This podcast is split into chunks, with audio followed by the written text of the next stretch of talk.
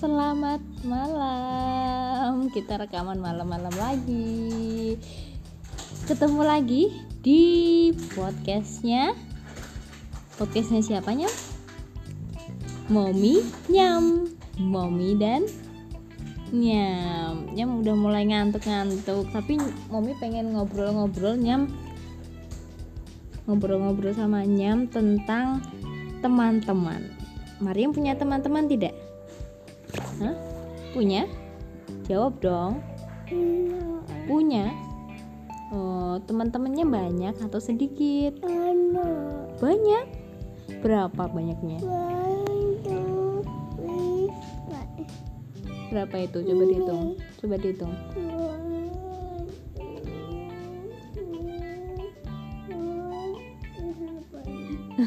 eleven four eleven padahal ini ya teman-temannya dari four jam to eleven ya. Aduh nyam itu termasuknya punya banyak teman karena di sini kebetulan lingkungannya memang banyak anak kecil. Nah umur-umur uh, eh, SD ke bawah itu cukup banyak. Makanya nyam itu punya banyak teman. Tapi uh, teman-teman yang di sekitar rumah itu kebanyakan mereka umurnya lebih tua daripada nyam. Jadi uh, selisih 3, 4, 5, 6 seperti itu. Nah, nyam itu termasuk uh, umur yang paling uh, sedikit umur yang paling muda di antara teman-teman lain yang sudah main. Jadi ada yang lebih muda tapi biasanya mereka belum main. Jadi kan umur 2, 1 itu kan mereka masih di dalam rumah dan masih pengawasan orang tua. Sedangkan umurnya 3 naik ke atas biasanya mereka sudah mulai main sosialisasi saling mengunjungi rumah misalnya nyam pergi ke depan rumah main di sana atau yang uh, teman-temannya nyam bisa main ke rumahnya terus main di sini uh, tanpa pengawasan orang tua. Jadi orang tuanya sudah tidak ikut nah uh, ternyata uh, sangat beda ya kalau misalnya kita punya anak kemudian anak kita bermain bukan pada uh, umur yang sama. Jadi um, teman-temannya itu umurnya di atasnya. Itu sangat berbeda dengan teman-teman yang kalau misalnya ma, uh, seumuran gitu loh. Jadi teman mainnya yang seumuran sama umur di atasnya sama umur di bawahnya itu beda sekali. Kenapa kenapa bisa saya katakan berbeda? Karena Nyam itu punya teman-teman yang di bawah umurnya. Jadi mainnya sama anak-anak yang di bawah umurnya itu di tempat uh, dia dititipkan. Sedangkan kalau di rumah dia mainnya sama yang lebih tua. Nah kalau di rumah uh, biasanya nyam itu uh, cenderung apa deh uh, mainnya lebih apa ya lebih variatif dan mengikuti teman-teman yang sudah lebih tua. Jadi biasanya kalau istilah Jawanya itu namanya pupuk bawang. Jadi dia itu main tapi kadang itu masih nangis ya. Masih merengek karena masih kadang dijahilin. Tapi nggak apa-apa itu adalah proses buatnya untuk bersosialisasi dengan teman-temannya. Bahwa tidak semua sosialisasi itu apa namanya ya berjalan dengan lancar seperti itu. Nah makanya nyam itu bermain dengan uh, teman-teman yang lebih tua. Dia itu biasanya uh, belajar negosiasi lebih ke negosiasi gimana teman-temannya tetap main sama dia walaupun dia masih kecil. Karena uh, harapan ekspektasi teman-temannya yang lebih uh, tua biasanya pengennya mainnya satu frekuensi. Kalau main uh, jadi uh, misalnya main play pretend kayak gitu teman-temannya yang lebih tua biasanya pengennya ya uh, ada yang jadi mama, ada yang jadi anak-anak, ada yang jadi papa. Tapi seumurannya biasanya itu mereka kayak punya prinsip, punya apa ya uh, pengetahuan yang sebatas dia aja. Jadi dia merasa dia seorang anak-anak nih bukan bukan bayi, bukan seorang mama, bukan seorang papa. Jadi waktu dia main play pretend, dia masih maunya mainnya sebagai anak-anak bukan sebagai mama bukan sebagai papa bukan sebagai baby nah ketika temen mainnya pengen uh, nyam berperan sebagai mama atau sebagai baby uh, nyamnya itu cenderung untuk menolak dan akhirnya uh, menangis karena merasa apa yang dilakukan itu tidak sesuai dengan keinginannya. Makanya dia menangis. Itu kan proses negosiasi. Nah akhirnya dia pulang nangis bilang ke saya sebagai mominya untuk uh, bahwa bilang ke saya bahwa uh, tadi ada anak yang nakal seperti itu. Padahal bukan nakal tapi mungkin karena proses negosiasinya tidak berjalan semestinya gitu jadi nyamnya salah paham temennya juga aduh main sama anak kecil seperti itu. Tapi eh, anak-anak uh, itu memang kita akui bahwa mereka itu tidak punya rasa trauma ya. Bahkan waktu habis dimarahin mungkin sama orang tua atau dimarahin sama orang tua tetangga atau dimarahin sama yang lebih uh, dewasa mereka besoknya itu udah uh, bermain bersama mereka bermain di rumah yang habis dia habis dimarahin atau mungkin dia akan uh, manja-manjaan sama orang tuanya walaupun habis dimarahin. Nah, mereka tuh tidak punya rasa kayak hmm, trauma gitu. Hal-hal tersebut kayaknya mereka buat pelajaran atau mungkin kadang mereka nggak kapok pokoknya untuk belajar. Nah itu adalah pelajaran sedikit-sedikit buat mereka. Gitu. nah uh, jadi kemudian uh, saya ceritakan lagi untuk yang teman-teman nyanyam yang di tempat momongan itu mereka cenderung uh, lebih mudah. Nah itu impactnya pada nyam adalah dia lebih menjadi menjadi anak yang lebih penyayang sama adik-adik yang lebih kecil. Biasanya gimana cara dia biar adiknya nggak nangis kemudian gimana dia uh, menjaga adik-adiknya gitu. Misalnya ada yang mau belajar jalan kayak gitu diajarin. Kemudian kalau misalnya adiknya nangis uh, lapor ke orang yang lebih tua seperti itu. Nah itu kayak membuat nyam itu lebih dewasa. Tapi ya impactnya adalah uh, mungkin dia akan uh, merasa bahwa apa ya dia dewasa terlalu cepat di usianya. Seperti itu nah, menurut saya gitu. Tapi nggak apa-apa sih kalau ada penyeimbangnya sepertinya di rumah bermain sama yang lebih tua di mana dia bisa uh, belajar negosiasi lebih kayak gitu. Jadi kalau di tempat momongan dia menangan istilahnya kalau bahasa Jawanya seperti itu. Tapi kalau di rumah dia pupuk bawang karena dia paling kecil kayak gitu. Lucu sih kalau lihat anak-anak habis apa namanya ya main kayak gitu.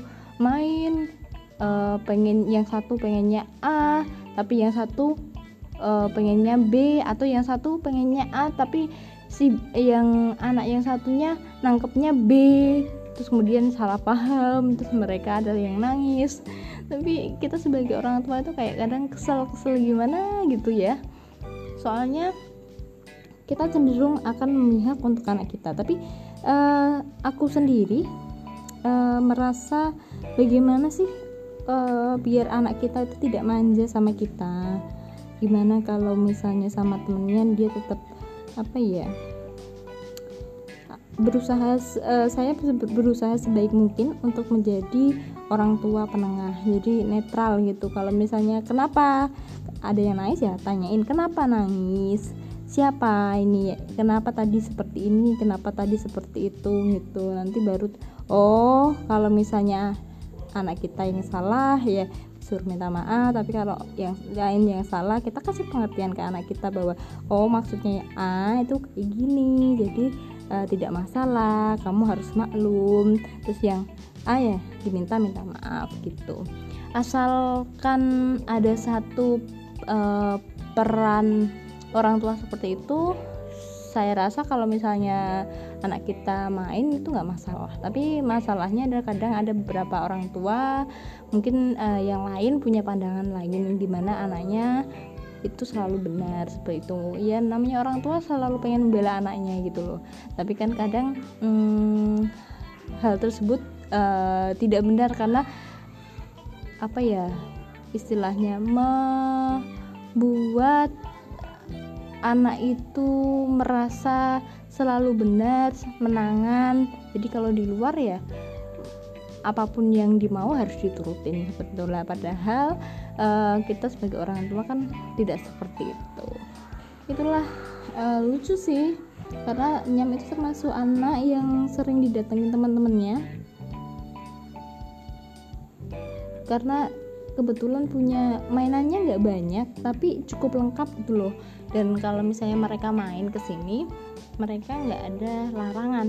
Misalnya nggak boleh main A nggak boleh main B. Cuma kadang sebel juga kalau misalnya lagi nggak apa namanya nggak mood sayanya ya paling agak marah-marah sedikit karena berantakan. Jadi satu rumah berantakan gitu. Tapi kalau misalnya ya biasa ya paling sebelum mereka beratakin lebih jauh biasanya saya minta untuk membereskan uh, satu bagian dulu nanti kalau mau pindah mainan pindah ganti mainan ya udah main aja nggak apa-apa tapi yang satu dibereskan. Seperti itu sih. Simple tapi mengena. Ada peraturan-peraturan di rumah yang memang harus ditegakkan walaupun itu untuk teman-teman yang datang ke rumah jadi teman-teman anak kita yang datang ke rumah itu tetap harus mematuhi aturan aturan rumah. Ataupun uh, anak kita walaupun teman-temannya sedang datang dia juga harus ikut mematuhi mematuhi peraturan rumah. Seperti harus mandi misalnya makan teratur. Kalau misalnya udah jamnya uh, makan ya harus pulang. Atau makan ya harus makan. Tidak boleh main tidak boleh menolak. Seperti itu sih. Gimana cara kita sounding aja ke anak kita gitu yang penting selalu ditekankan bahwa ada peraturan di rumah di mana eh, itu dilakukan untuk kebaikannya seperti itu. Jadi kita kasih alasan-alasan kenapa sih harus makan teratur makan banyak makan sayur? Kenapa kalau misalnya main itu harus ada batasannya tidak boleh main dari pagi sampai sore di rumah orang kayak gitu.